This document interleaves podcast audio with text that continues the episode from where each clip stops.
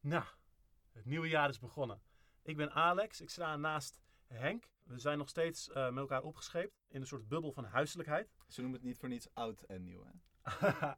Oud en nieuw. Henk, heb jij nog nieuwe voornemens voor 2021? Goede voornemens. Nou, ik dacht zo, ik, ik wil eigenlijk iets, ik wil iets goeds doen, ik wil iets leuks doen. Wat nou als ik ja, wat, wat, wat aardiger ga zijn voor mijn buren door, eh, door het kapitalisme af te schaffen? Oh, dat is grappig. Ja, ik dacht dus, ik ben vaak gestrest en vermoeid. Ik dacht, wat als ik nou beter voor mezelf zorg en help ruimte te creëren voor, voor mijn persoonlijke behoeftes door het kapitalisme af te schaffen? Ja, ja, ja. Dat, is, dat lijkt, lijkt wel op een ander voornemen dat ik, dat ik mezelf heb voorgenomen. Om eh, meer ruimte te geven aan mensen om me heen. Om samen meer leuke dingen te gaan doen. En echt zeg maar te kijken naar wat wij zelf belangrijk vinden. Door het kapitalisme eerst af te schaffen. Ja, ja. Maar ik, want ik, dat is, het, het begint wel op te stapelen. Ik, ik overwoog ook een andere namelijk. Je kunt, je kunt niet alles tegelijk doen. Maar ik overwoog ook bijvoorbeeld... Ja, om wat beter te zijn voor mijn ouders. En kijken of er niet meer hulp naar hen kan. En de, de, de eenzaamheid in, in onze samenleving, vooral rondom uh, uh, ouderen en een, eenzame mannen, aan te spreken. Door het kapitalisme af te schaffen. Ja, ja, nee, ik, ik, ik wilde ook eigenlijk graag meer gaan sporten, wat beter voor mezelf zorgen. Echt, uh, weet je wel, weer mezelf leren waarderen door het kapitalisme af te schaffen. Je hoort het, er zijn, er zijn zoveel mogelijkheden in het nieuwe jaar. Er is een heel ruim veld aan keuzes als het gaat om nieuwe voornemens en, uh, ja, en, en een soort hoopvolle toekomst in te stappen. Daar gaan we het vandaag over hebben. Hartelijk welkom, ook in het nieuwe jaar bij Onderstroom.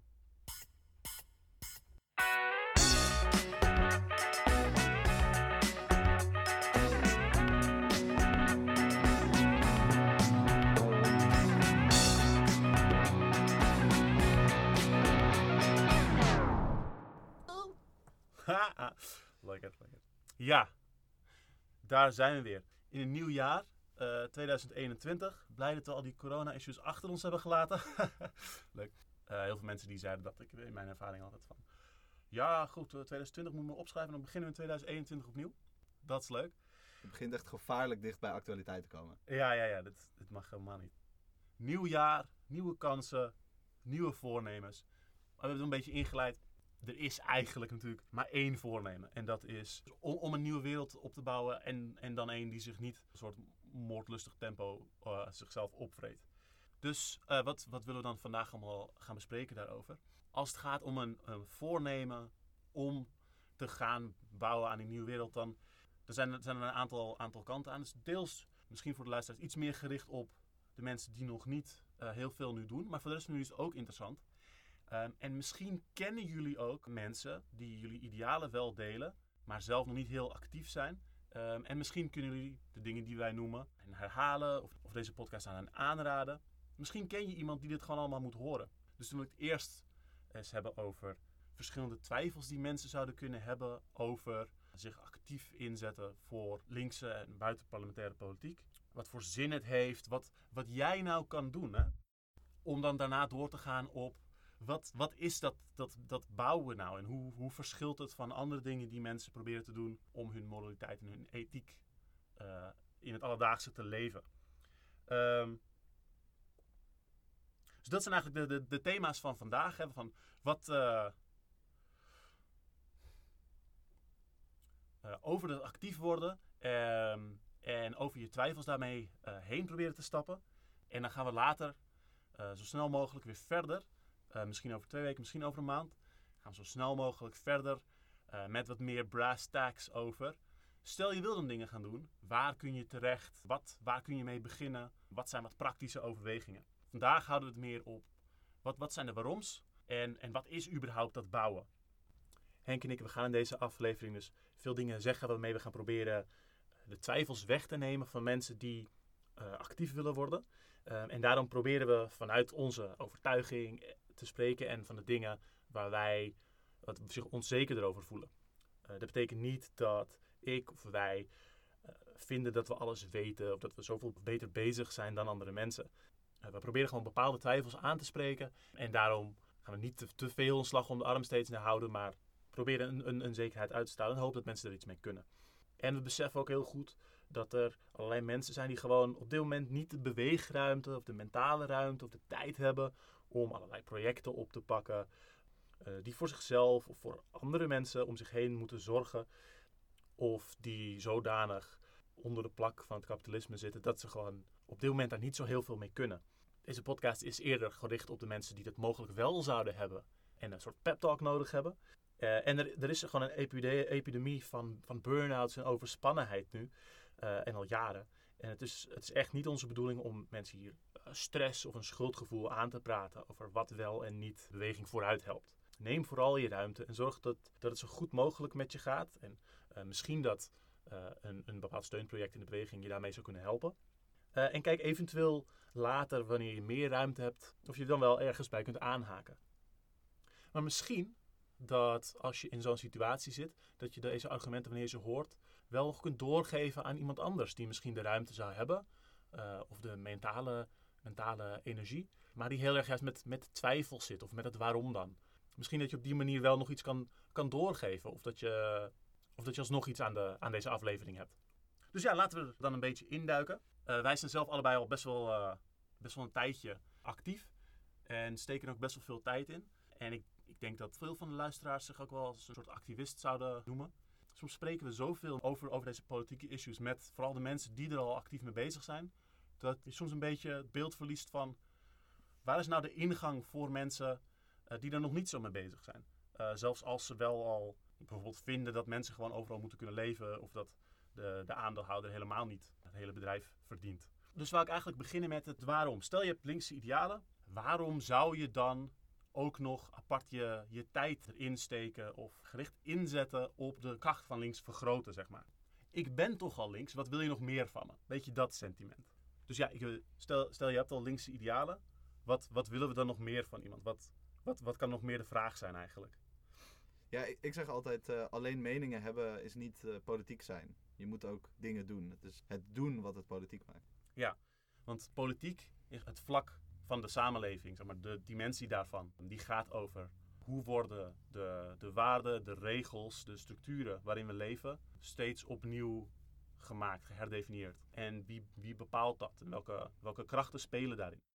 Eh, want het is een, een krachtveld eh, waarin steeds dingen verschuiven en aanpassen. En om dus politiek actief te zijn, moet je ingrijpen in dat krachtveld. Je moet ingrijpen in welke krachten wat voor invloed hebben op de volgende situatie in de maatschappij. En zolang je dus gewoon alleen je eigen mening hebt en dat niet heel bewust uitdraagt of het makkelijker maakt voor gelijkgestemden om hun mening uit te dragen of wat dan ook, eh, ben je eigenlijk een soort een soort non-fact. Ja, ik, ik denk heel erg dat dat soort meningen worden pas een factor van belang als je ernaar handelt. En een eh, bekende titel van eh, veel verschillende teksten, Wat te doen, focussen vaak mensen op, eh, op het stukje wat.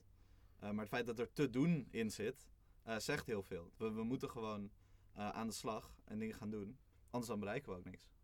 Nee, precies. Ik denk dat dat zelfs bij meer activistische kringen ook wel speelt. Dat mensen vaak zich heel erg richten op wat, wat gaan we allemaal vinden. Ook bij eh, ik veel, linkse tijdschriften en zo gaat het heel erg over wat, wat is eigenlijk de, de, de optimale mening die we over dit thema willen hebben. De meeste schrijvers zijn academici, dus dat, daar, daar zit een soort verbinding denk ik tussen. En veel minder eigenlijk op wat, wat gaan we dan doen, de praktische kant ervan. Dus ik ben ook heel blij om daar met deze podcast nu in te duiken. Omdat ik me eigenlijk veel meer als een, een organiseerder zie dan een journalist of wat dan ook. Dus ja, ja het, het is eigenlijk niet politiek actief zijn tenzij je iets doet. En gewoon mensen dingen vertellen is wel iets, maar het is, het is op een laag pitje. Het ligt er ook heel erg aan wat je, wat je ermee wil bereiken. Ik bedoel, je, je kan op alle, allerlei vormen kan je politiek actief zijn, uiteraard. Dus eh, met mensen in discussie gaan of mensen overtuigen is, eh, kan er één zijn. Maar dan ben je dus specifiek bezig een resultaat te behalen. En als je gewoon op eh, feestjes met mensen kletst en nooit iemand overtuigt en er zijn hele leuke gesprekken, is het allemaal leuk en goed.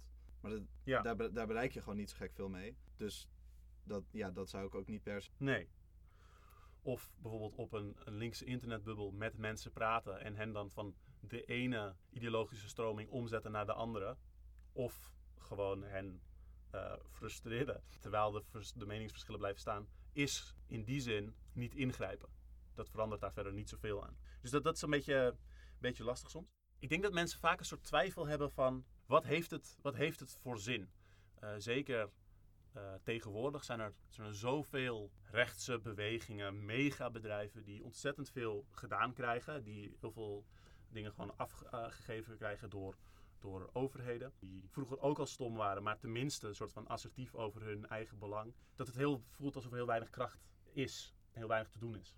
Ja, ik, ik denk ook dat we daar structureel door uh, media, zeg maar nieuwsmedia, maar ook uh, uh, films, series en zo, heel erg bij de neus genomen worden. omdat die het altijd willen hebben over de grootst mogelijke situaties. Over de hele, het hele belastingstelsel, de hele zorg van Nederland en of, of nog grotere situaties. En dat, dat, daar is het ook heel moeilijk om invloed uit te oefenen. En daardoor wordt heel vaak een soort ja, gek verhaal gespind van oh, als je die dingen niet zomaar 1, 2, 3 kan beïnvloeden, dan kan je dus helemaal niks beïnvloeden. Dus dan moet je maar uh, vertrouwen in de, in de systemen die wij hebben opgebouwd, die eigenlijk zich tegen jou werken, zoals de staat. Ik, ik denk dat, zeg maar, als je, als je de vraag stelt, wat heeft het voor zin? Het heeft heel veel zin, alleen je moet de kleine overwinningen echt waarderen voor wat het zijn. Voor, voor belangrijke overwinningen, die opbouwen naar meer. En helaas, vooral in Nederland, hebben we niet een gigantische revolutionaire beweging waar we grote winsten aan het boeken zijn. Maar de, de mensen die bezig zijn, overal waar, waar collectieven actief zijn,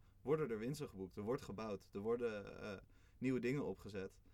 En de, uh, de hele bende is uh, ontzettend groeiende. Dus ja, ja het, het, is dat, het is dat zeg maar echt focussen op wat gebeurt er al en, en op wat voor schaal is dat. En dan kunnen waarderen wat dat, wat dat is. Ook als je naar de geschiedenis kijkt, met de, de grote revoluties waar iedereen het over heeft, in Rusland, Spanje, et cetera. Dan, dan zie je dat daar decennia daarvoor hele pietluttige strijdjes gewonnen zijn. Waarop de rest gebaseerd is. Het begint altijd klein. We worden, heel erg geleerd om naar de geschiedenis te kijken. Ook een weet ik veel, civil rights beweging of het omvergooien van een dictator ergens als een, uh, een grote leider die heeft dat gedaan. En die kon mensen inspireren. Daar zat een beweging achter. Maar dat al dat voorwerk dat gedaan wordt en alle, alle overwinningen en verliezen op, op de weg daarheen, die worden eigenlijk niet onderkend en niet benadrukt. En we zijn helemaal niet, als je gewoon uitgaat van zeg maar, normale en commerciële media, zijn we helemaal niet gewend om op die manier naar dingen te kijken. En daardoor missen we dus ook heel veel van de dingen die gebeuren. Ook als het gaat om dingen die ik veel, heel, heel basaal als de achturige werkweek, uh, werkdag. de achturige werkdag. Ik loop even te hard van stapel. Achturige werkweek. 2020, 2021, we gaan het doen. De achturige werkdag. Uh, dat, is, dat is gewoon keihard afgedwongen. Door mensen die strijd leverden vanuit grote arbeidsbeweging, et cetera. En dat wordt in, in de vertellingen vaak veel meer voorgesteld als een soort beleidsmatig ding. En toen, toen vonden deze politici dat het toch wel, toch wel goed was. En ze, ze, ze streken over hun hart en toen was het goed. En dat is gewoon een, slechte vertegenwoordiging van, van wat er gebeurde, een misrepresentatie. Ja, ja. ja en ik, ik denk ook dat het, dat het komt omdat uh, heel, heel veel heel erg belangrijk werk uh, wordt gewoon als niet sexy of, of, of belangrijk of groots gezien. Waar, waar je als beweging heel veel aan hebt. Ik, uh, ik moet bijvoorbeeld denken aan de, um, de Canadese studentenstrijd uit uh, 2012. Of tenminste in Quebec dan, specifiek. Waar een gigantische staking is. Daar is achteraf, zijn er volgens mij wel meerdere films gemaakt. Maar één, één die, die vrij blatant ernaar refereert, die The Trotsky heet. Een, hele belachelijke film over iemand die denkt dat hij de reïncarnatie van Trotsky is. Wel grappig, maar totaal niet politiek uh, boeiend. Maar daar, in die film wordt heel erg iemand neergezet die inderdaad gewoon door een beetje uh, gek, excentriek te zijn, uh, um, mensen kan, kan inspireren. En dan gebeurt er iets en that's it. Dat is de enige manier hoe, hoe er georganiseerd wordt. En het, en het is extra pijnlijk dat het bij zo'n beweging gebeurt. Specifiek omdat er zoveel bekend is over die beweging. Zij zelf, zelf activisten hebben allerlei films, teksten, films gemaakt, teksten geschreven die specifiek gaan over wat hun strategieën waren, uh, hoe ze dat gedaan hebben. En ik kan me één uh, uh, interview herinneren met, met een, een activist daar. Die zei van ja, uiteindelijk, er was namelijk een hele grote studentenstaking ontstaan. Die zei uiteindelijk een van de, de manieren hoe we daarvoor hebben kunnen mobiliseren. Die zei gewoon, ja, gewoon blijven flyers uitdelen. Gewoon blijven doen. En die zei van ja, we in een periode van maar één of, of meerdere maanden hebben ze zo'n 1 of 2 miljoen flyers uitgedeeld. Hoe groot was die school? Ja, die school was dus volgens mij 20 of 30.000 mensen. Dus ze hebben gewoon al, alle mensen van die school en al hun vrienden, familie, et cetera, waarschijnlijk gewoon tig keer dezelfde flyer gegeven. Waar ook eh, bijvoorbeeld op stond, waar we het nu over hebben, van wat, wat, wat heeft het voor zin? Het stond, het stond, dat legt ze daar ook in uit van wij hebben de laagste eh, eh, ehm, eh, college tuition, eh, eh, collegegeld. Het laagste collegegeld eh, van, van heel Noord-Amerika. En de- het hoogste aantal studentenstakingen. Goh, dat is geen toeval. Dus ik, ja, ik denk, ik denk dat we daar een beetje full circle zijn in, een, Ja, in één beweging. Dat het, het heeft zin, eh, maar dat, het duurt soms even voordat je de resultaten ziet. ja, ja, ja. Ook als je, als je het bijvoorbeeld hebt over metaalbewerkers en hun arbeidsvoorwaarden en zo. Die zijn gewoon op een aantal vlakken gewoon echt veel royaler dan voor andere, andere sectoren. Heel toevallig ook een sector, sector waar gewoon altijd veel hardere strijd is geleverd. En waar de, de werkers eh, makkelijker met, met machinerie aan de haal konden. En dus militantere, hardere dingen konden doen. Veel meer georganiseerd waren. eh, veel radicaler, linkser in de geschiedenis. En tot op de dag van vandaag een veel hogere organisatie gaat dan eh, veel andere sectoren. Ja, absoluut. Ik bedoel, hetzelfde is, eh dit, je hoort het vaak van als ambtenaar werken of eh, voor de gemeente vinden, zorg wat dan ook, relatief oké voorwaarden zijn. Dat is omdat die mensen vaak meer georganiseerd zijn, een hoge organisatiegraad hebben, Ja. harder strijd hebben geleverd. Ja, absoluut. Maar dit, voedt ook een beetje in, in een andere twijfel die mensen vaak hebben. En die, die is ook een beetje, een beetje diffuus. Zijn een paar kanten aan. Het hele, wat kan ik nou doen? Wat kan ik nou doen? En dat is een soort bescheidenheid of een onzekerheid zit, zit daarin. En, en één ding, daarvan is heel erg van, nou, ik ben helemaal niet iemand die een heel duidelijk plan heeft dat allemaal voor me ziet. Of ik ben helemaal niet een grote revolutionaire spreker of een superactivist of wat dan ook. Eh, dat gevoel van, ik weet helemaal niet of ik die, die vaardigheden heb om de volgende Martin Luther King te zijn, of whatever. Of de volgende, niet de vaardigheden om de volgende Malcolm X te zijn, of om de, wie dan ook. Ja, ik, ik denk dat wederom dat we dan eh, teruggaan naar het, feit dat er gewoon ons een extreem raar beeld wordt voorgehouden van wat activisme is en, wat politiek actief zijn is. Ik bedoel, uiteindelijk, we proberen een, een, een nieuwe wereld te bouwen. Een, een wereld zonder kapitalisme, zonder eh, patriarchaat, zonder racisme. Dat, dat kunnen we alleen maar bouwen door zelf te beginnen met de nieuwe wereld neer te zetten zoals we die willen zien. Basically, in de nieuwe wereld hebben we zo goed als alles nodig wat we nu hebben, min de negatieve dingen. Dus eh, wat we, waar we vooral mee bezig moeten zijn, is kijken hoe we de dingen die nu al gebeuren op een politiek betere of goede manier kunnen doen. Uit- uiteindelijk zijn het alle werkers van de wereld, alle, alle onderdrukte mensen, die de wereld opbouwen tot wat het is.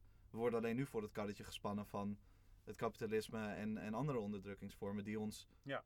Onze energie tegen ons gebruiken in feite. Maar als we dat kunnen inzetten voor een emanciperende Mhm. taak, dan Ja, precies. Ik heb het ooit op een sticker gezien, maar dat is een be- bekendere slogan. Het is in principe, de revolutie heeft alles nodig. Koks, tekenaars, sprekers, bouwers van alle slag, verzorgers, artsen. Het gaat om hoe we ze samenbrengen. Dus ja, wat, wat, je ook, wat, ook, wat ook je talenten zijn of wat je, je vaardigheden zijn, er, er is een manier om dat politiek te maken en er is een manier om, eh, om dat te gebruiken. En er zijn, er zijn dingen die jij kan doen die bijdragen. En als je denkt van nou, ik voel me er echt onzeker over. Ik vind eerst dat ik nog allemaal dingen moet leren voordat ik dat kan. Misschien is dat zo. Ik denk iedereen die dit luistert sowieso heel veel te bieden heeft. Maar ook als je vindt van nee, ik wil echt specifiek dingen leren. Dan is ook misschien 2021 de mooie tijd om daar actieve stappen in te nemen. En eh, wat veel eh, organizers en activisten ook zeggen is... De strijd is de beste leermeester. Door dingen te doen leer je wat je nodig zou hebben of wat, wat handig werkt en wat niet wat eventueel fouten zijn. En het, en het feit is ook dat op dit moment in Nederland is de beweging niet zo heel groot. Dus misschien is er juist nieuwe input nodig. En weten die mensen die ermee bezig zijn het nog helemaal niet zo goed. Want er, er moeten wat dingen anders gebeuren. En beter en meer. Dus ik denk dat die, die bescheidenheid helemaal niet per se handig is. En ik denk dat we dat ook deels geleerd hebben vanuit het idee... de mensen die aan de knoppen zitten, dat zijn, dat zijn echt de, de pintere mensen die er boven ons staan, waar duizenden op stemmen, bijvoorbeeld. Ja, ik, ik denk dat dat heel schadelijk is. Een soort van gekke scheiding van mensen die het wel beter zullen weten. Ja, dat is, dat is gewoon ontzettend onzin. Dat is gewoon een soort technocratisch verhaal dat nou, specifiek in Nederland natuurlijk eindeloos herhaald wordt. Kijk, het komt gewoon heel erg simpel op neer dat als wij een wereld willen bouwen die voor, voor en van iedereen is, dan hebben we iedereen nodig om het voor hun te maken. Simpel gezegd, zeg maar, zelfs al zou je wel een situatie hebben waar je een soort van experts en leken hebt, is het alsnog handig om de visie van leken te hebben, omdat experts een bepaalde tunnelvisie met zich meenemen. Dus die, die diversiteit, heel, zeg maar, een heel, heel plat voorbeeld, is, is al belangrijk. Dus het maakt niet uit welke positie je zoiets inneemt, zolang je je bewust bent van welke positie je hebt, kan je gewoon altijd zinnige bijdrages leveren. En is het belangrijk om dat ook te doen. En voor mensen om daarin naar elkaar te luisteren en dat mee te nemen in hoe we dingen opzetten en hoe we eh, aan dingen gaan bouwen. Het lijkt ook op een, op een andere twijfel. Gaat ook over van wat, wat kan ik nou doen? Ehm, maar dat, dat kom ik wel eens tegen. Meer dat beeld van ik ben helemaal niet perfect geïnformeerd. Ik heb het plan helemaal niet. Ik weet helemaal niet precies hoe het ideaal zou moeten met de zorg. Ik weet helemaal niet precies eh, hoe we dan handig die grondstoffen kunnen verspreiden die nu zo eh, met zoveel eh, leed en dood uit de grond worden getrokken. Ik weet het helemaal niet allemaal. Ik heb het plan niet staan. En daarop zou ik heel graag willen zeggen dat als je kijkt naar bijvoorbeeld de wetenschap, onderzoeksinstituten die nu bestaan, de mensen die echt bezig zijn met kennis produceren, dat is gewoon compleet ingekapseld door staten die vanuit eh, ideologische partijen het beleid richten en door commerciële groepen, door gewoon eh, denktanks van zeg maar, gebundelde kapitaalinvesteerders, et cetera. Dus zeg maar, met de middelen die we nu hebben, kunnen we die antwoorden ook eigenlijk niet maken. En er zit, er zit heel erg een controle op wat voor antwoorden acceptabele opties zijn om te onderzoeken. Wetenschappers die de beste bedoelingen hebben, die krijgen vaak vooral het geld om onderzoek te doen naar de dingen die de gevestigde machten meer uitkomen. En zelfs wanneer ze het niet doen, is de selectie van welke wetenschappers en welke kennis wordt meegenomen heel erg gekleurd naar dingen die bijvoorbeeld een neoliberaal vrije marktmodel versterken. Ook als je gaat kijken naar de geschiedenis van hoe de, de wetenschap van economie zich in de vorige eeuw heeft ontwikkeld, dan zie je een enorme eh, ideologische aanval op alle economie die niet heel rechts en heel erg vanuit een zogenaamd vrije markt eh, denken gaat. Dus zelfs met de meest welwillende wetenschappers en wetenschappelijke gemeenschap is het heel moeilijk om geld en ruimte vrij te maken om tot waardevolle oplossingen te komen. En dan worden die vaak ook niet opgenomen eh, wanneer ze niet in het belang zijn van de mensen die nu al machtig zijn. Dus naar een situatie komen waar we samen de goede antwoorden kunnen formuleren en bedenken, dat is eigenlijk een heel groot deel van dit project. En dat, dat is soms een beetje een, een, een lastige, lastige kluif, maar ik denk dat een heel belangrijke. Dat we, we, kunnen gewoon heel duidelijk zien dat er verschrikkelijke dingen misgaan nu. Het, het klimaat is compleet naar de tering aan het gaan. Er, er, er sterven planten, dieren, bacteriesoorten uit uh, op een tempo 25.000 keer zo snel als dat de natuur ze kan aanmaken. Best een groot cijfer. Naast, naast al die mensen die vermoord worden, hoe we antibiotica aan het verspillen zijn, massa's, constant uh, verkrachting en huiselijk geweld en uh, moord op mensen die niet in een genderhokje passen. Er zijn gewoon hele, hele grote, hele urgente problemen. Dus maar, het is belangrijk om te werken aan dingen die wel die oplossing kunnen gaan brengen. En dat, dat we dat nu nog niet weten, dat is eigenlijk helemaal geen, dat is helemaal niet een reden om daar niet actief in te zijn. Het feit dat we die antwoorden nog niet hebben, is een streep tegen de huidige situatie. Ja, ik denk ook, uh, um, hoe je het eerder formuleerde, van ik heb niet alle antwoorden. Kijk, niemand heeft alle antwoorden, maar het huidige systeem blijft ons voorhouden vanuit een soort van top-down logica. Dat je eerst alle antwoorden moet hebben, voordat je dan naar een lager uh, punt in, in, in hun organogram uh, kan gaan. En daar dingen kan gaan veranderen. Ik, ik zou heel erg zeggen, je weet niet alles. Wat fijn dat je dat door hebt van jezelf. Dat is heel goed. Dat is ook belangrijk om dat in te zien. Maar je weet wel, sommige dingen weet je wel. Begin daarmee. Begin met de dingen waarvan je, waar je wel ervaring hebt. Waar, waar je wel dingen weet. Op je werk, vrienden, familie, wat dan ook. Er zijn gewoon dingen waar je nu mee bezig bent. Die je kan. Doe die op een politiek coole manier. Dat, dat is echt exact waar we moeten beginnen. Bouw het uit. En op een gegeven moment ga je fouten maken. Dat is prima. Dat hoort erbij. Dat is deel van dat leerproces. En waarvan we ook steeds beter worden. Er is niet een soort perfecte situatie die we zo in één keer uh, uit, de, uit de hoge hoed gaan toveren. We moeten daar hard aan bouwen en voor strijden. Het is heel moeilijk, dat is waarom het strijd heet. Ja, ja. Ik denk dat iets, iets anders wat hier ook aan, aan ver- verbonden zit, een soort van gevoel van, van overbelasting. Een soort van, als ik eh, nu zeg maar accepteer als een, als een praktisch probleem dat mens, mensen zo worden uitgebuit, dat mijn baas waarmee ik best gezellig een kopje koffie kan drinken, eigenlijk mijn loon afpakt en mijn werktijd tegen mij gebruikt. Doordat het geld dat naar winst gaat gebruikt wordt om mijn arbeidsomstandigheden te verslechteren in de CAO-onderhandelingen om maar een heel ba- basaal voorbeeld te noemen. Dat feit, al dat soort dingen accepteren, dat dat problematisch is. Als je het begint dat te accepteren, dan is het hek van de dam. Dan kan ik, dan kan ik niks meer normaal vinden of gewoon op mijn gemak daarmee bezig zijn. Zo'n soort gevoel van overweldiging. Eh, ik denk dat dat ook bij veel mensen speelt. Ehm, van ik wil niet, ik wil niet die, die mentale dam openbreken. En, en daarop zou ik zeggen dat er ook eigenlijk de- hetzelfde antwoord een beetje, een beetje is van... Ehm, we kunnen niet al die dingen tegelijkertijd aanpassen. En eh, wat we wel kunnen doen is stapje voor stapje proberen eh, daar antwoorden op te bieden, een alternatief te formuleren dat, dat een beetje werkt, daarmee te experimenteren en dat dan te proberen uit te dragen. En ja, niemand hoeft in één keer alles, alles goed te doen. Je bent ook niet hypocriet als je accepteert dat er allerlei problemen zijn, maar dat je niet direct in staat bent om het volgens jouw moraliteit perfecte leven te leiden.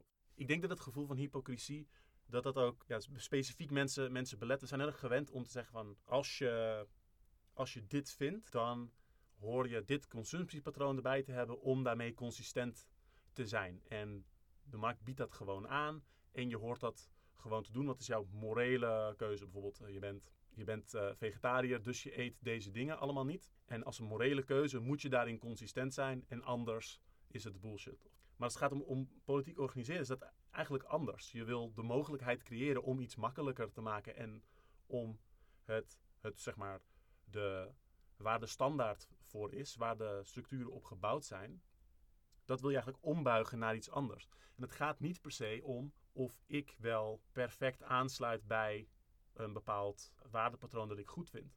Het gaat erom wat ik, wat ik, wat ik bouw, wat we samen neerzetten, hoe we die politieke reproductie veranderen. Ja, ik denk dat je het daar op een heel goede manier omschrijft. Want ik denk wat een van de dingen die, die ons heel erg wordt aangeleerd in, eh, eh, in het huidige systeem, is dat het, dat het gaat om een soort van het eind, alleen het eindresultaat eh, wordt naar gekeken en niet het proces hoe we daar komen. En ik denk dat waar revolutionaire bewegingen vaak mee bezig zijn, is om veel meer te focussen op het proces en het proces zo te maken dat de, de eindresultaten eh, weliswaar beter zijn, maar er vooral op het, op het proces te focussen en niet een soort van no matter the cost, het moet dit eindresultaat zijn. Eh, iets wat je ook gewoon op je dagelijks werk te- tegenkomt. Ik bedoel, het, het zal je baas eh, niks kunnen interesseren of jij een burn-out hebt, depressie, wat dan ook. Dat, dat ene ding wat je moet doen voor je werk, dat moet af zijn op een gegeven moment. Daar gaat het om. Ja. En ik denk dat het dan heel makkelijk is om zo'n soort van perfect beeld neer te zetten van... Want als we het eindresultaat behalen, dan is het dus perfect en dan is niets hypocriet en dan is alles geniaal. En dat we daar gewoon heel erg van af moeten. We zijn allemaal intens hypocriet, tegenstrijdig, eh, eh, niet perfect. Maar dat is prima. Daar Ja. moeten we gewoon aan werken. En we moeten wel zorgen dat we dingen steeds beter doen, dat we leren, dat we... eh, die kritiek ook accepteren als we die op onszelf formuleren of van andere mensen te horen krijgen. Maar we moeten, we moeten beginnen vanuit de positie om te accepteren dat we, er, eh, dat we zo in elkaar zitten. Anders dan ga je een te hoog ideaal voor jezelf leggen. En dan, eh, dan ga je, daar ga je nooit aan kunnen voldoen. Dus dat is... eh, Een laatste twijfel die ik hier zou willen bespreken, die raakt hier wederom weer aan. Van, nou, iedereen heeft allemaal tegenstrijdige meningen die ze afwisselen of soms gewoon door elkaar heen lopen. Vanuit het wat kan, wat kan ik nou doen, zit er ook soms zo'n beeld in van ik ben helemaal niet perfect. Een christelijk ding, wie ben ik dan om de eerste steen te gooien? Wederom heeft mijn, grote vriend Jordan Peterson, die heeft er een heel mooi ding over. Van, als jouw eigen huis niet op orde is, als jij niet je kamer hebt opgeruimd, wie ben jij dan om iets te zeggen eh, over hoeveel CO2 eh, het leger mag uitstoten? Dat is natuurlijk een, een mening die gericht is om mensen minder actief te maken en minder eh, deel te laten nemen. En er zit ook heel erg gericht die, die, die angst in voor mensen die samen collectief dingen doen. het, het is ook gewoon een, een drogreden. Het is gewoon een aanval op karakter van iemand. betekent niet dat je meningen Oké. of je, eh, je handelingen er dan niet meer toe doen. Ja, en, en, en het is ook een, een heel erg een bad faith eh, argument. Want de mensen die dit zeggen, die doen dit nooit bij zichzelf. Nee. Eh, wie, wie zijn deze mensen van, van XR of, of Shell Must Fall om kritiek te hebben op, eh, op het beleid van Shell? Nou ja, het zijn, het zijn niet mensen die gigantische eh oil spills veroorzaken voortdurend. Door vet onzorgvuldig met dat soort dingen om te gaan. Of überhaupt gigantische CO2-uitstoot produceren als, als leider van een bedrijf die gewoon dat geld ook in, in, in groene energie zou kunnen investeren. Precies. Dat, dat zijn de mensen die deze kritiek uiten. Ja. Dus dat is, dat is gewoon. Ja. ehm, het, is, het, is, het is goed om daar een weerwoord op te hebben, maar ik word er soms een beetje.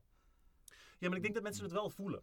Die- Zeker, ja. Zeg maar, ook onder het mom van zeg maar, een paar van de dingen die we noemen hier gaan over een soort gevoel van bescheidenheid en zo. En dat is, en dat is heel erg, zeg maar, kapitalisme doet, doet alsof ah, iedereen een vrije keuze. Maar er wordt natuurlijk met heel, veel, met, heel vaak met twee of meer maten gemeten. Voor gewone mensen is het bescheidenheid. En goed zorg dat je heel goed alles geïnformeerd en redelijk voordat je iets gaat doen. En voor een ondernemer is het, je moet gewoon dingen proberen en fouten maken en gewoon recht eh, voor zijn raap. Het is altijd hypo, hypocriet en verschillende dingen door elkaar gebruiken we qua meningen. Eh, maar deze is heel duidelijk ten faveur van de mensen die alles aan het fokken zijn. Maar ik denk dat er ook met die, met die bescheidenheid en met die, het gevoel van: oh nee, als ik accepteer dat al deze problemen zijn, dan moet ik met alles tegelijk gaan dealen. Die overload, heel veel van deze soort twijfels, die ik dus wel eens hoor, eh, die hebben ook een, een implicatie erin van: nou, ik blijf maar aan de kant staan. Weet je wat, ik doe even niet mee. En dat is, dat is denk ik een heel problematisch uitgangspunt en ook niet accuraat. Omdat eh, wat je bijvoorbeeld eerder zei, is je draait wel mee.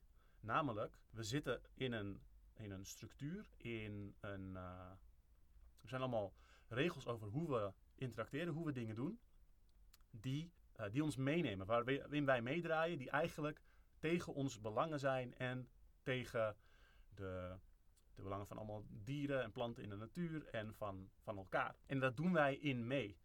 En tenzij we die structuren ombuigen, veranderen, eh, stoppen, blijven we daarin meedraaien.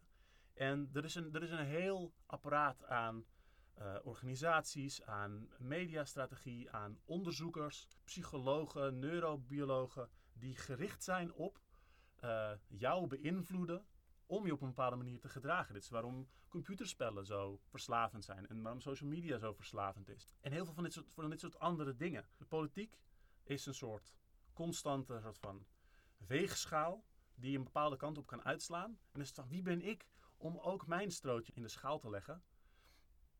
Maar de, de, de mensen die nu de macht hebben, de grote aandeelhouders, en, eh, bestuurders, et die leggen niet alleen hun eigen gewicht erin, maar ook het gewicht van al het loon dat ze opzuigen als winst. En ze leggen er ook nog hun elleboog bij in de schaal en gaan erin leunen. En ze gebruiken je eigen inzet daarin tegen jouw belangen. En tenzij je daar bewust tegen organiseert, ga je daarin mee en help je dat. De situatie is letterlijk organiseren of georganiseerd worden.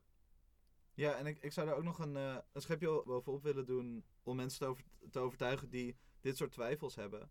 Als jij iemand bent die heel veel twijfels hebt, die heel op die manier soort van open staat voor kritiek, die misschien al heel erg zelf hebt, die heel erg bescheiden is, die denkt van, oh ja, maar ik wil niet andere mensen mijn, mijn mening opleggen of dingen af, afdwingen. Jullie zijn juist de mensen die actief moeten worden, want dat zijn allemaal best wel hele goede meningen om te hebben. Het is heel fijn om meer mensen te hebben die wat bescheidener zijn, die prominenter in onze samenleving komen. De, de, manier hoe de samenleving nu in elkaar zit, wordt alles naar de meest arrogante haantjesgedrag ge- gestuurd. De, de mensen die het hardst schreeuwen krijgen altijd, komen altijd aan het woord. De mensen die het minste rekening houden met anderen komen met allerlei dingen weg. Juist mensen die bescheidener zijn, die, die openstaan voor, voor input, voor kritiek. Dat zijn de mensen die, die we willen hebben voor de, voor de nieuwe wereld die we willen maken. Omdat dat veel meer een houding is die fijner is om samen dingen op te zetten. Dus twijfel je, dan juist. word Dan actief. juist. Je mening doet ertoe en mag er zijn. Fucking leuk. Nou, nieuw jaar, nieuwe call-outs. Het thema is bouwen aan die nieuwe wereld, aan de slag gaan, je handen vies maken. Qua, qua call-outs kunnen we ook dan op, beginnen bij, bij een begin. Nou, als het dus gaat om, eh, om eh, actief worden, ehm er is altijd de vraag, waar dan? Nou, er is een heel groot, nou een heel groot, maar er, er is best wel een, een landschap aan eh, linkse actiegroepen, infrastructuur, groepen die elkaar steunen en elkaar helpen, dingen neer proberen te zetten. Ehm, en, ied- en iedereen zoekt eigenlijk naar mensen die iets kunnen doen, die kunnen helpen. Volgende keer gaan we het ook concreter hebben over hoe zoek je dan verschillende groepen of hoe regel je dat time management mogelijk om de tijd vrij te maken voor politieke dingen of hoe pas je politieke dingen in de tijd die je nu besteedt aan bijvoorbeeld een, eh, een eh, hobby of dingen die je toch al doet. Dus dan kunnen we daar hopelijk ook mee, eh, mee helpen of iets van een, een tip geven voor de mensen die wel, wel graag willen, maar heel erg bijvoorbeeld met hun tijd of hun, hun energieniveau worstelen. Dus een greep uit de mand. Eh, er is vloerwerk, hebben wij eerder genoemd. Eigenlijk de meest succesvolle actiegroep van Nederland, zou je zeggen, of niet? Ja, in percentage succes in ieder geval. Het is natuurlijk een lokale groep in eh, Amsterdam. Dus zullen vast wel eh, grotere groepen zijn. Maar het is, ja, het is een ehm, solidariteitsnetwerk voor arbeiders die eh, een arbeidsconflict hebben. En als ik het moet omschrijven aan mensen die totaal niet weten wat het is, zeg ik altijd: dat ding wat je denkt dat vakbonden horen te doen, dat doen zij. Word je niet uitbetaald, krijg je geen uren, word je genaaid op je werk. Dan ga je samen met andere werkers voor de deur staan en dan eis je dat terug. En dat, eh, en dat kunnen ze gewoon altijd, eh, altijd winnen, schijnbaar. Want eh, directe actie, dat werkt gewoon. Hoe vaak hoor je van een actiegroep die daadwerkelijk hun doel behaalt? Vloerwerk wint dus de hele tijd. Zit je niet in Amsterdam? Praat eens met die mensen, kijk of je iets vergelijkbaars in je eigen buurt zou kunnen doen. Super vette vorm. Ja. Bond Precaire Wonenvormen is nu heel actief. Ik, ik bedoel, het is altijd heel actief. Altijd, eh, het is altijd heden, het is altijd nu. Ehm, geen actualiteit. Bond Precaire Woonvormen. eh, eh, en ook niet te koop. Twee actiegroepen op, op woongebied. Heel actief nu bezig. De Vrij Bond valt een beetje op. Is waarschijnlijk de snelst groeiende soort van formatie op, op links buiten het parlement. En ik weet niet welke parlementaire linkse groep heel erg aan het groeien is op dit moment. En die zijn, ja, doen, doen echt van alles. Ehm, en heel erg ook gericht op ondersteunen van andere groepen. Gul zijn naar het bredere, eh, bredere netwerk. En het, het mogelijk maken om nieuwe, nieuwe initiatieven te doen. Naast gewoon hun eigen acties en hun solidariteitskast, et cetera. Ja, de, de Vrijbond is vrij groot, dus is misschien een beetje veel om op alles in te gaan. Maar op hun website kan je in ieder geval zien waar ze zelf mee bezig zijn en waar je kan aansluiten. Eh, maar die bieden dus ook ondersteuning als je je eigen project wil beginnen om dat te ondersteunen. Dus daarvoor eh, kan je ook daar aankloppen. Ja. Meer in het zuidoosten van het land zit een heel actieve groep met een aantal soort van subprojecten. Dat is eh, Left Life Maastricht. Eh, die kun je ook opzoeken. Die zijn ook al net iets breder in, in eh, Limburg nog wel actief. Maken soms ook uitstapjes naar, naar Vlaanderen voordat, er, eh, voordat de coronapandemie begon. Eh, ook een hele coole groep. Anticapitalistisch Feministisch Collectief is daar een onderdeel van. Eh, heel coole groep ook. Eh, Abortion Network Amsterdam hebben we al eerder genoemd. Eh, heel vet werk. Eh, best wel groot netwerk ook. Zit helemaal niet alleen maar in Amsterdam. Stop the War on Migrants. eh, actiecampagne over, over de dodelijkste grens ter wereld. Namelijk die van Europa. Vooral de Medi- Mediterrane Zee. We gaan sowieso in de, in de show notes gaan we gewoon een, een flinke rits aan actiegroepen en, en andere groepen van allerlei slag noemen. En in de volgende aflevering gaan we misschien ook af en toe een soort voorbeeld geven van wat doen ze nou, et cetera. Dan moeten we even kijken hoe we dat precies doen. Maar kijk, ernaar. Iets anders wat ik ook nog wel, wel wil noemen, eh is al een eerder een aflevering over geweest natuurlijk. Als je die nog niet hebt geluisterd, eh, doe het vooral. Maar eh, kraken, heel interessant. Ehm, kraken voor jezelf, voor een woning, voor een sociaal centrum. kraken voor samen met anderen is gewoon super belangrijk en een hele vette actievorm. Eh, en eh, door het land zijn heel veel eh, verschillende kraakspreekuren. En daar kan je terecht voor, voor informatie, hulp, et cetera. Die zullen vast ook wel in die lijst terugkomen. Maar dat is ook nog iets wat ik even wilde noemen. Ja. Ja, en als je, als je denkt van oké, ja, dat zijn wel heel veel dingen. Die hebben we allemaal genoemd van... Ja, ik, ik weet het allemaal niet goed en ik ken die mensen niet. En ik vind het moeilijk om daar aan te sluiten. Dat is heel erg logisch. Dat is natuurlijk altijd moeilijker. Gelukkig zijn er nog evenementen die specifiek gericht zijn op mensen met elkaar verbinden. Mensen elkaar laten leren kennen. eh, waar heel veel eh, presentaties en workshops gegeven worden door actiegroepen die over hun campagnes gaan of over specifieke actievormen. En om daar een paar van te noemen heb je bijvoorbeeld eh eh 2DA5, eh, tegenwoordig in Amsterdam volgens mij elk jaar zit. 2D5 is komend jaar in Amsterdam. Deels live, deels online. Ze zitten niet vast in Amsterdam. Vorig jaar waren ze in Utrecht bijvoorbeeld. Dus ze, ze gaan wel rond. Rond het voorjaar organiseren de internationale socialisten ook het Marxistisch Festival. Meestal op een universiteitslocatie ergens. Kijk daar ook voor rond, dan kun je ook leuke mensen ontmoeten. Eh, de Pinkster Landdagen, eh, die elk jaar op de eh, anarchistische camping in Friesland zitten, met Pinksteren. En de anarchistische boekenbeurs, die meestal aan het einde van het jaar is in Amsterdam. Heel vette evenementen. En inderdaad, leer gewoon mensen kennen. Dan kun je ook met een open blik gewoon kijken. Jongen, waar zou ik me eventueel thuis kunnen voelen? Wat is er allemaal? Want heb vooral niet het gevoel dat je direct ergens in moet springen of zo. Eh, kijk gewoon rustig rond waar je, waar je terecht zou kunnen, waar je iets bij voelt, wat, wat leuk is. Ja. Op onze vriendenpagina op onderstroom.net en ook hier onderaan de show staat een link naar radar.squad.net. Dat is een heel handige site voor als je dingen zoekt die in je buurt gebeuren. Kun je kijken naar alternatieve, politieke linkse evenementen. Vaak vanuit sociale centra, eh, genoemd naar kraakpanden. En dan kun je vaak gewoon dingen tegenkomen die in je buurt zijn als er iets is. Het wordt best wel, eh, best wel oké vaak gebruikt. Dus eh, die, zou ik ook aanraden. Juist voor dat rustig rondkijken. Ehm, wat grappig dat een stukje soort van, hoewel alternatief, reclame tussendoor een soort, soort ontspanning dient te geven in dit programma. Heel grappige assumptie die we daar maken. Wat boeiend. De mensen hebben natuurlijk even weggezept, hè? Dat, eh, Ja, ja, ja, ja, ja. hey, hey. Als jullie de reclames niet luisteren, is het alsof je deze podcast steelt. dus we zijn terug. Dus we zijn terug. Opbouwen in het nieuwe jaar. Goede voornemens. Het enige goede voornemen. We bouwen een nieuwe wereld. Hoe werkt dat dan? Wat is de, de politieke krachten eh, ombuigen? Wat is bouwen voor revolutie? Ik denk graag dat het twee, eh, twee kanten ongeveer heeft. Met, met nog een, met nog een extra, extraatje erbij.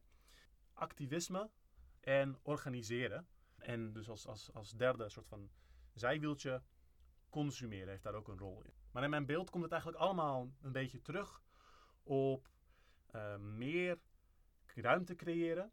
De, de capaciteit of de draagkracht vergroten voor iedereen die op linkse idealen iets anders wil. Het makkelijker maken voor mensen om dingen te doen. Zorgen dat er meer mensen het leren kennen, dat die waarden meer gedeeld worden. De, de slagkracht, de capaciteit vergroten met de tijd. Daar komt het in mijn principe eigenlijk op neer. Dus daarom gaat het niet per se over hoe, hoe integer je persoonlijk bent over die waarden. Tenzij dat een middel is voor outreach naar anderen. Het gaat niet om dat je zelf eh, een al bestaande baan krijgt die niet zo bijdraagt aan de slechte dingen of misschien wel iets goeds doet. Maar het gaat erom dat je zorgt dat er meer van dat soort banen komen. Of in ieder geval dat er meer ruimte is voor mensen om zich erop te richten. Om eh, de wereld te verbeteren. eh, heb je daar dan een voorbeeld van? Nou, bijvoorbeeld, kijk, ik herken het van mezelf. Dat je bijvoorbeeld aan het studeren bent en je denkt van, oh, wat, wat kan ik nou doen? Ik heb allemaal idealen. En hoe kan ik in de huidige situatie mijn leven inrichten dat ik daar iets mee kan doen? Dan denk je heel snel, nou, misschien als ik een betaalde organizer kan zijn bij de FNV of zo.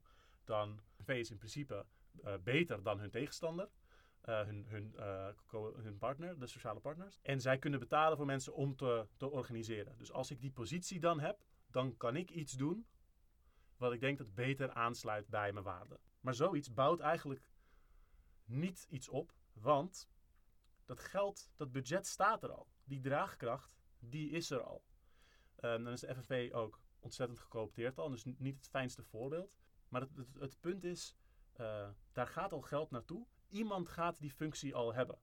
Dus als jij degene bent die daar zit, tenzij je vindt dat je ontzettend veel beter bent dan iemand anders die die functie zou kunnen doen, of daar meer politiek waardevolle dingen mee kan dan als iemand anders het zou doen, dan zou het normaal eigenlijk niet iets bijdragen om heel erg daarop te richten. Wat je wil doen, of wat, wat echt uitbouwt, is om te zorgen dat er, dat er meer mensen tijd beschikbaar hebben om aan, om aan politieke projecten te zitten.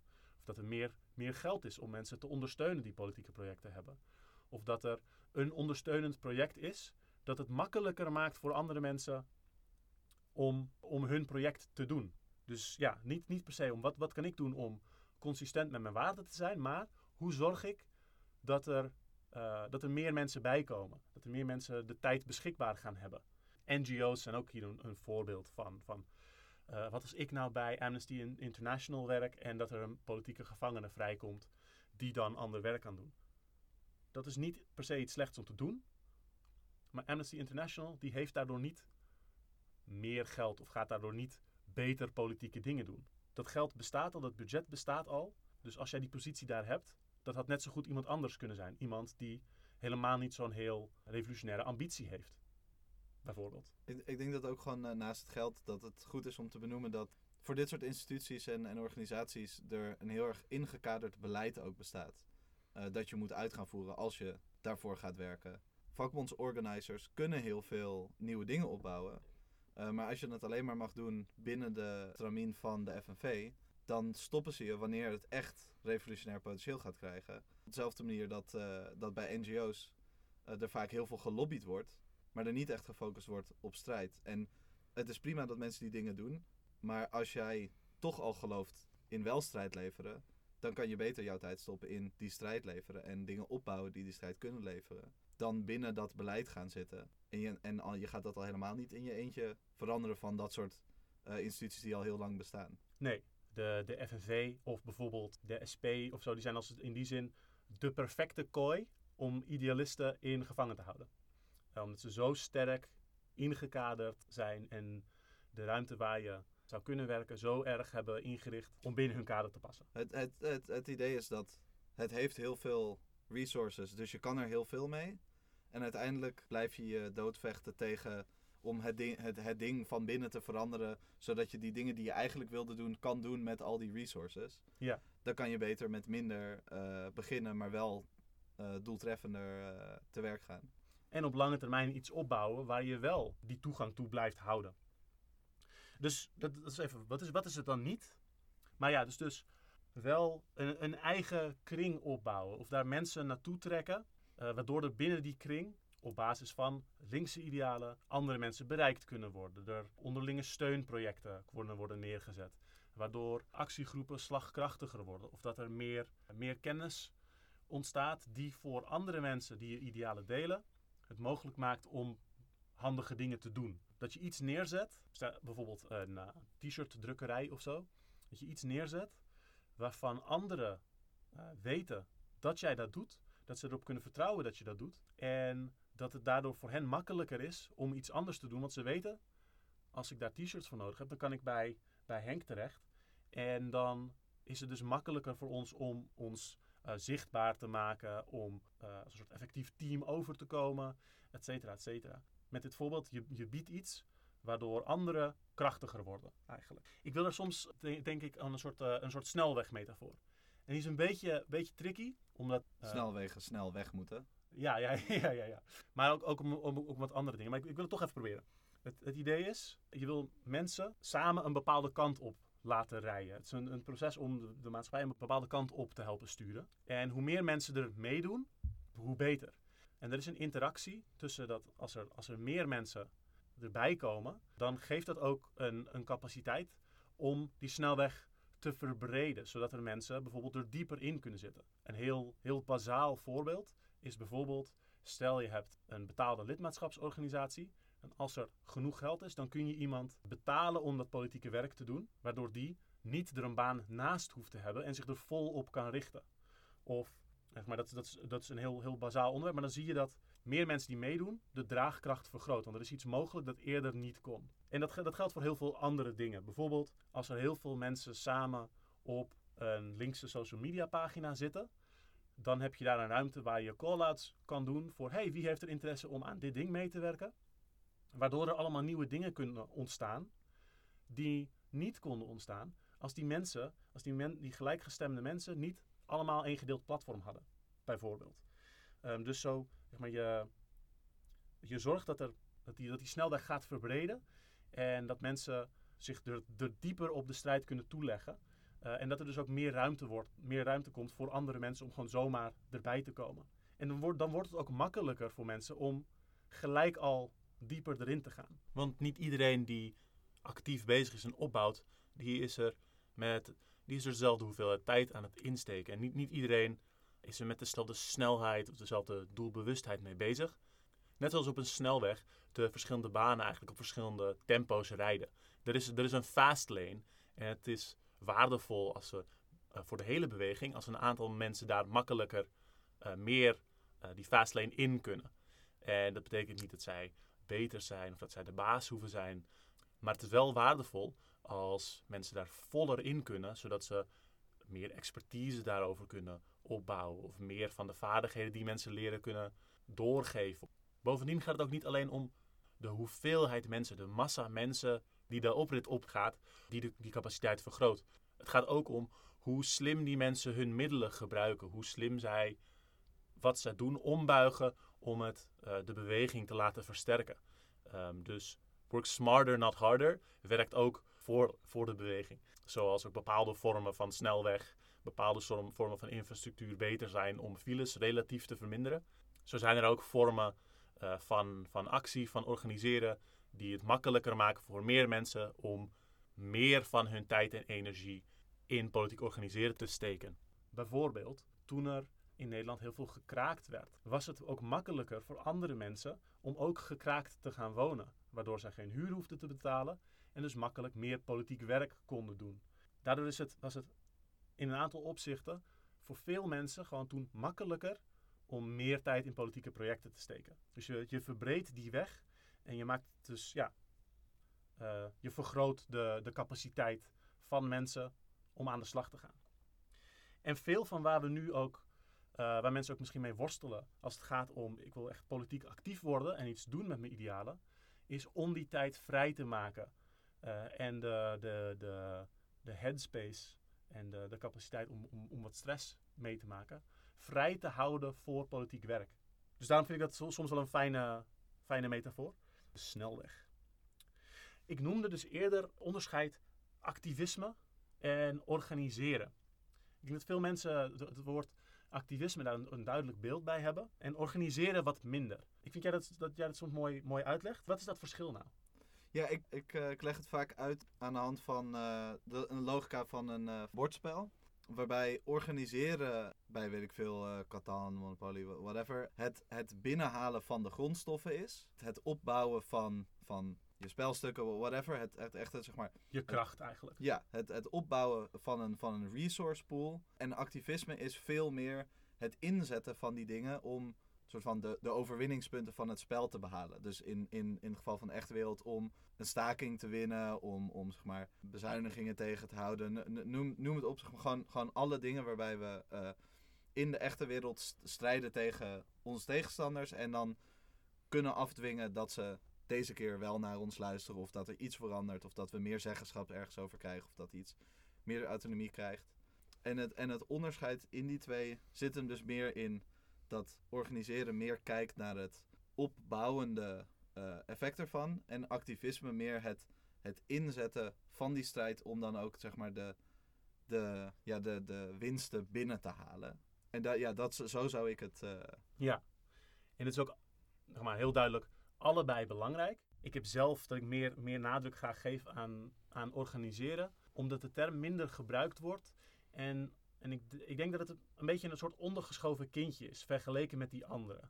Voor sommige mensen heeft organiseren een soort, een soort bijsmaak van dat het uh, autoritair of zo zou zijn, omdat het, het klinkt soms een beetje oud-links. Maar het zijn vaak ook de minder, de minder hippe activiteiten, de minder aantrekkelijke dingen. Het is niet, niet per se de heel zichtbare actie en de, de grote speech, maar het is meer het netwerken. Het zorgen dat, de, de, dat er basisstructuren staat. Dat iemand de hele tijd allemaal flyers aan het drukken is. De, de onderliggende taken die, die constant moeten gebeuren. Waarvoor mensen gewoon keihard aan het werk zijn. Maar het is allebei heel belangrijk. En, en het, het, het voedt ook in elkaar. En vaak, vaak zijn ze ook heel erg verbonden. Bijvoorbeeld, stel met een activistische campagne behaal je uh, dat de huur verlaagd wordt. Dat betekent dat er heel veel mensen gewoon minder geld hoeven te besteden aan hun huis. Als dat geld vrijkomt, betekent dat in principe dat er tijd vrijkomt. Want tijd is geld. Dan hoef je dus minder te werken. Of kun je dat geld steken in sympathieke projecten. En zo is activisme, een winst behalen, kan ook direct capaciteit vergroten. Ja, ik denk dat het heel, heel belangrijk is dat ook al maken we dit onderscheid en willen we die twee verschillende dingen benoemen, dat zeg maar, er is bijna niks te noemen dat alleen één van die twee is. eh, of die dingen echt losbreekt. Zel- zelfs bij een actiecampagne waarbij je bij- bijna alleen maar acties aan het voeren bent, zul je waarschijnlijk in de tussentijd vergaderingen hebben. De elementen van hoe zo'n vergadering opgezet zijn, zijn dan typisch wat meer organiseerachtig werk. Maar dit is een typisch heel, vrij, vrij activistische bezigheid. En, en daarom laat het ook zien van deze twee dingen werken heel erg samen. Maar door ze als losse dingen te zien, kunnen we de sterktes en de zwaktes ervan ontdekken en er beter in worden. Ja. En wat, wat jij net ook al zei, het organiseeraspect ervan is inderdaad af en toe een beetje een ondergeschoven kindje. Ik, ik vind bijvoorbeeld vergaderingen, vergaderingen eh, faciliteren, notulen maken, de vergadering voorbereiden, et cetera, hele belangrijke dingen. Eh, maar dit, dit zijn vaak, ook omdat het niet zo sexy en spannend is, dingen waar niet veel animo voor is van, oh dat is heel belangrijk, dat wil ik heel graag doen. Eh, wat, wat, ik, wat ik toch wel jammer vind, ik kom zelfs tot het punt dat ik, ik ken vrij weinig mensen die echt zeg maar, teksten gelezen hebben of, of een workshop gevolgd hebben of discussies hebben over hoe je wel of niet goed vergadert. Terwijl eigenlijk, als we heel eerlijk zijn als linkse mensen, vergaderen is iets wat we bijna meer doen dan alle andere dingen. Wie Ehm, was, het, wie was het die zei... Het nadeel van socialisme is dat het zoveel vrije avonden opvreet. ja, Ja, nee, en, en ik, eh, dus ik, ik denk dat, zeg maar, dat dat soort dingen daar beter in worden, kunnen juist heel erg bijdragen, ook aan andere eh, onderdelen, zoals activisme of andere aspecten. En ik denk dat het daarom heel belangrijk is om daar naar te kijken. ja. Ja, ik denk ook, je, je noemt een aantal soort van soorten taken die eigenlijk meer onder organiseren vallen. En ik denk dat het vaak ook de soort van de zorgende taken zijn. En zorgen dat je banden onderhoudt met medestanders en met eh, tussen groepen onderling. En dat die, dat die dingen uitwisselen en ehm, eh, dat die elkaar aardig vinden. Eh, maar ik zou ook bijvoorbeeld outreach naar nieuwe mensen en, en je idealen proberen te verspreiden. Dat zou ik vaak ook onder organiseren willen zien. En dan kom je ook heel erg op het terrein dat activisme en organiseren veel samenvallen. Omdat heel veel van hoe nieuwe mensen bij links terechtkomen, is omdat ze een onderwerp belangrijk vinden en die mensen tegenkomen die daarop aan het organiseren zijn, die een activistische campagne daaromtrent hebben. Dus het zit vaak heel erg, heel erg vervlochten.